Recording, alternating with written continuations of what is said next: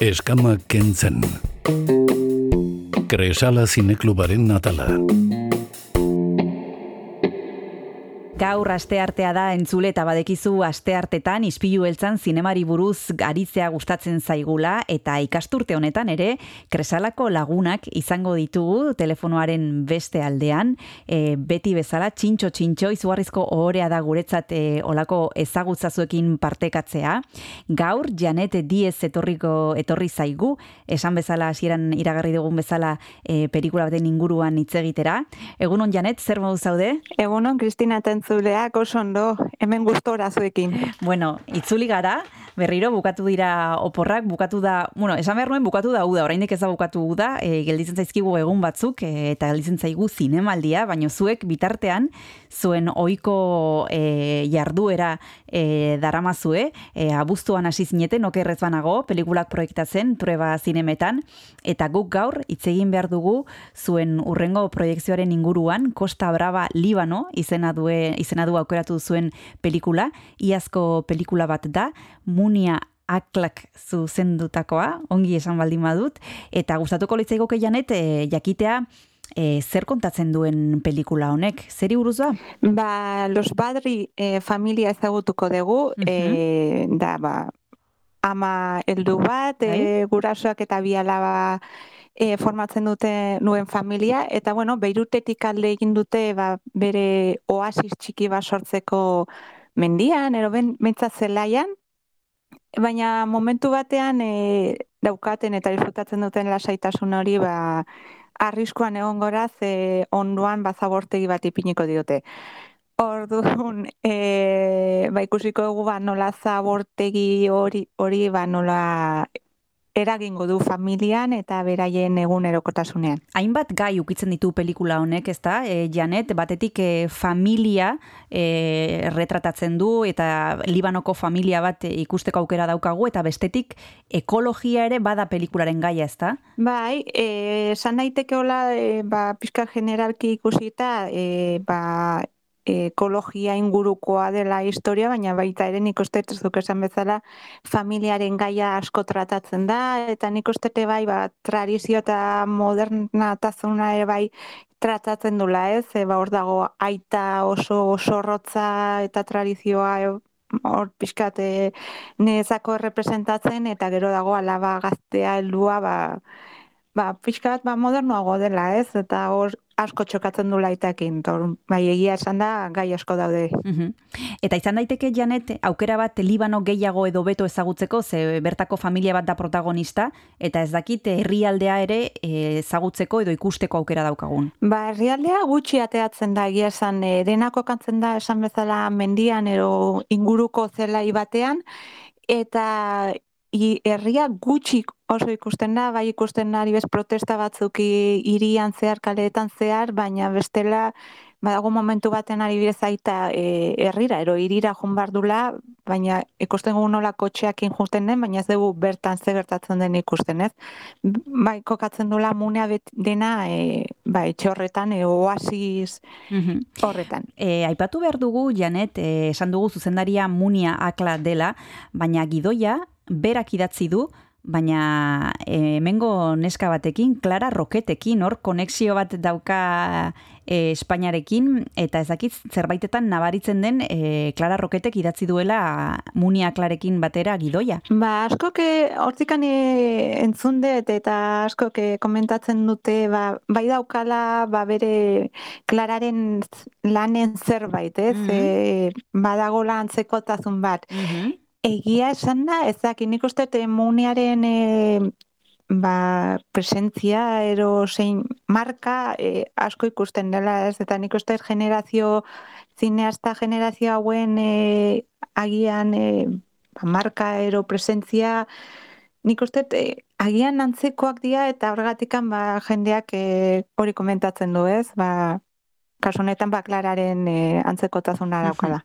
Orain hitz egingo dugu zinegile hauen inguruan, munia, klakara, roket eta bar, baina atzeden bat hartu behar dugu eta horretarako abesti bat eskatu behar dizut. Janet, ez dakit e, zerekin emango diozun hasiera ikasturteari? Ba, emango diot hasiera nola Libanon gaude. Libanora bidaiatuko dugu, ba, bai? hango artista baten e, abestia. Jara da artista eta abestia da ma A ber, ondo esaten duran, ma badez. Primera, magoazen entzutera.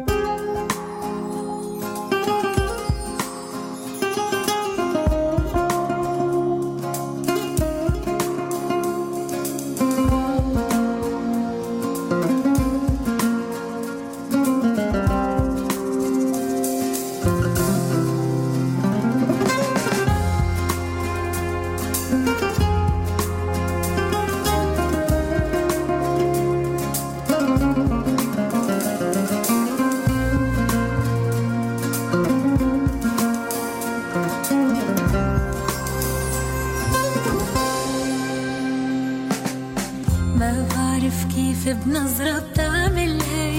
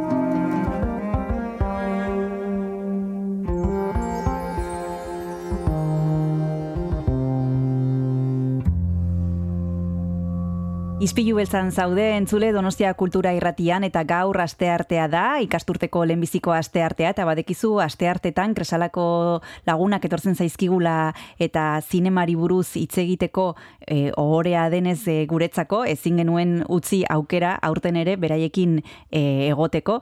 Gaur telefonoaren beste aldean Janet Diez daukagu eta pelikula da Costa Brava Libano, eta gian hor izenburuan pistatxo bat daukagu Costa Brava Libano, lehen aipatu dugu e, gidoigileak e, Muni Akla, zuzendaria dela eta Clara Roket direla, eta esan dezu hor badagoela e, generazio bat nun e, zinemagile hauek daukaten ba, seio bat edo zigilu bat e, hobe esan da, eta ezaugarri batzuk dituztela. Zein dira ezaugarri horiek? Ze nolako pelikulak egiten dituzte emakume hauek? Ba, nik uste emakume hauek asko e, zentratzen dira ba, ez, ga, e, bueno, garaiez, e, tema sozialetan, ez? E, agian gerturatzen dia gehiago, ba, emakumen historioa eta zero beste, bueno, gure inguruko pertsonen e, historietaz, eta aldiz, ba, beste batzuk ni baina baritzen ditut, ba, ba, igual beste historia batzuk kontatzen dituztela, ez? Igual ba, gehiago fantasiaskoak, ero baina nik uste generazio hau asko zentratzen dela sozial gaietan. Uh Esan behar dugu muniakla e, jatorria Libanon daukala, baino berez jaiotzez bera estatu batuetakoa da, eta mm, hogeita, amabi, hogeita mairu urte ditu bakarrik oso gaztea da, mila bederatzireun eta laro geita meretzikoa da neska, Clara Roketere oso gaztea da, eta aipatu behar dugu janet pelikulan, aktore nagusia Nadin Labaki dela, e, Donostian oso ezaguna hainbat e, lanetan ikusteko aukera izan dugulako, ba igual bere lanik ospetsuena lehenbizikoa izan zelako edo ezakit karamel e, izan zen eta geroztik lan, lanpia bat egin ditu. Pelikula hontan ze papera tokatu zaio? Ba bai, nari lamik ikusiko dugu pantalla, pantalla handian egia da, Ba, kasu honetan amaren papera ingo du, eta uh gaina pixuan deukiko du, ze, noske, aita eta alaben artean egongo da hor, e, ba, ezaki borroka ero bintzan negoziatzen hor egongo da.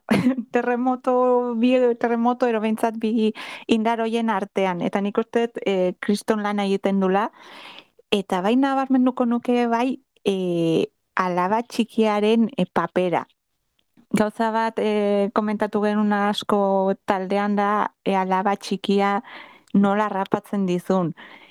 Eta bai, osea, gaina egiten dioten planoa kristonak dira, eta amaren kasuan e, bai, baritu plano batzuk eta momentu batzuk ikaragarrizkoa diela askotan ez du ez, asko esaten, baina irurien aldetikan asko pasatzen digu ikusle. Ba, fijatuko bara e, alaba txiki horren e, rolean, eta esan bezala, e, nadin labaki hiri tokatu zaio amaren papera, e, beste pelikula batzuetan izan dugu aktore bezala, eta zuzendari bezala, e, adibidez, e, y ahora a donde vamos, eta Kafarnaunen okerrez banago bera ere zuzendari gisa aritu zen eta baita Libanoko realitateari buruz aritu zitzaigun orduan. Em, zerbait eh, etzaizu gustatu pelikula hontan janet, e, zerbait e, zerbaitek egin dizu, ja, mm, obetuko zenuk edo beste modu batera ingo zenukezuk? Ba, bia, ez.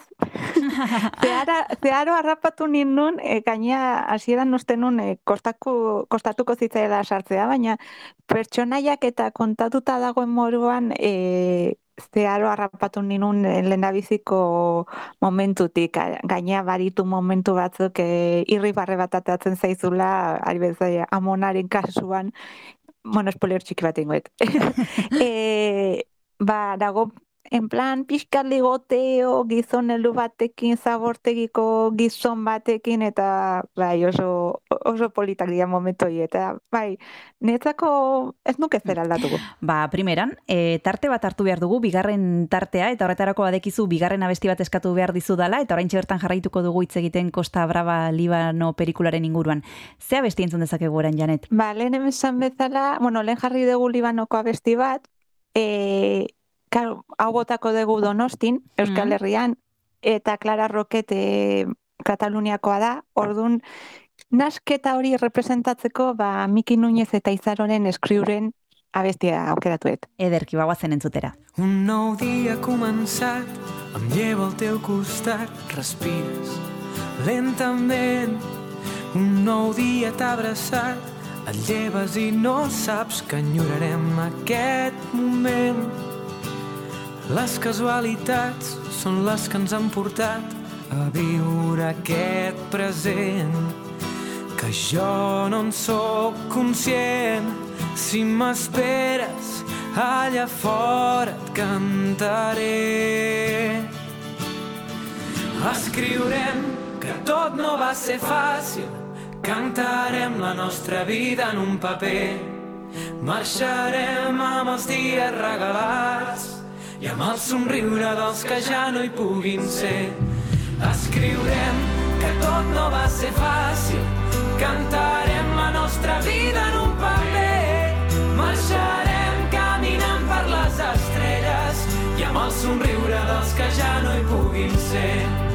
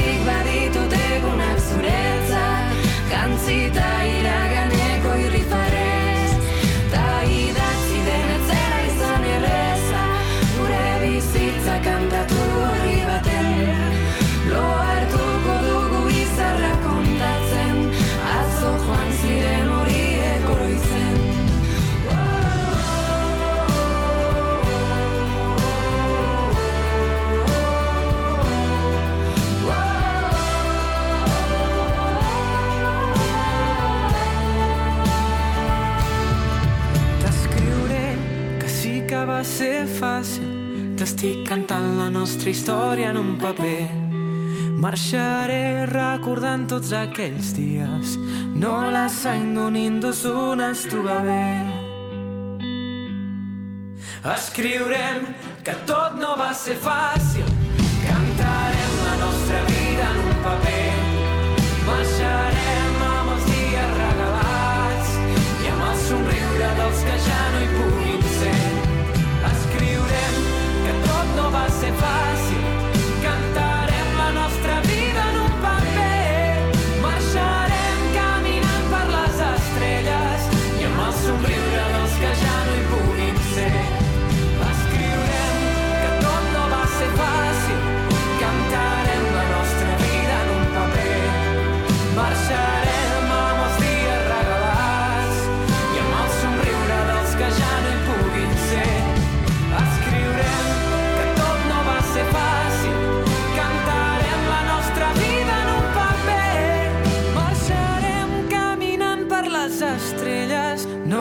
Aingo ninduzuna estuga bé.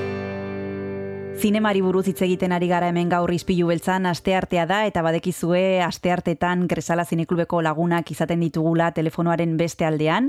Gaur Costa Brava Libano pelikularen inguruan ari gara Janet Diezekin, Munia Aklak eh, zuzendutako pelikula, iaz eh, ikusi zuen argia lehenbiziko aldiz eta bertan ikus dezakegu ba, Libanoko familia baten eh, historia.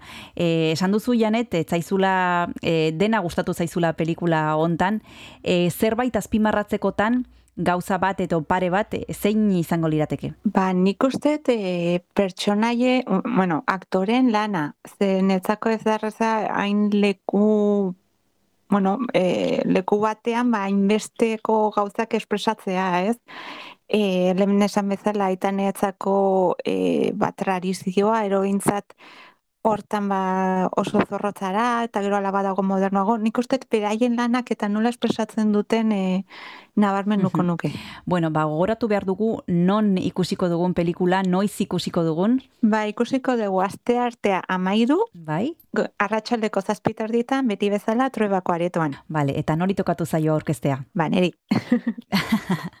Hori jakin behar, hori galdetu behar dizut, Janet, nola egiten duzue pelikulen banak eta e, bakoitzari gustatzen zaion bat aukeratzen du, edo al, agendaren arabera, edo zein nola egiten duzue antolakuntza hau? Ba, antolakuntza, ba, agendaren arabera baita ere, Mhm. ze batzutan ba igual lanaren arabera eta beste gauz batzuen arabera, ba igual batek ezin du, beste batek egitegu, eta gero bai, ba, noski gustu, gustuen arabera, eta bueno, ez zirkustantzia askoren arabera, ero batzutan ari bidez, nere kasuan, bani animatu nintzen, e, e, ausartu nintzen lanzelo dulak e, aurkestera, eta, ah, bueno, batzutan ba, batzuk e, aus, ausartzen geagoz batzuk aurkestea eta beste batzutan, ba, bueno, agenda ero ikusten dugulako, ba, norbaiteko beto ingo dula, ero Depende. bueno, ba, esan bezala, gaur e, ikusteko aukera daugagu Costa Brava Libano pelikula trueba zinemetan arrazaldeko zazpiterdietan, Kresala zineklubaren baitan, Janet Diezek aurkizuko du, eta esan behar diegu entzulei e, gerturatzen direnei, behintzat, parte hartzeko, galdetzeko, iritzia emateko, eta ba, esan bezala, beti esaten dugun bezala, e, gauza politak eta ideia politak surtatzen dira ez eta nahi izan ez gero, ba, esan bezala, gaur ratxaldeko zazpiterdietan Costa Brava, Libano. Janet Diez, eskerrik asko, eizpilu beltzara urbiltzeagatik, agaur ikasturteari hasiera eman diogu, eta espero dut e, elkarrik ustea berriro, ba, udazkenean, neguan, udaberrian, eta udan ere. Mila esker, besarka da bat. Besarka da, Kristina, eta mila esker zuei. Aio. Aio. Eskama kentzen. Kresala zineklubaren natala.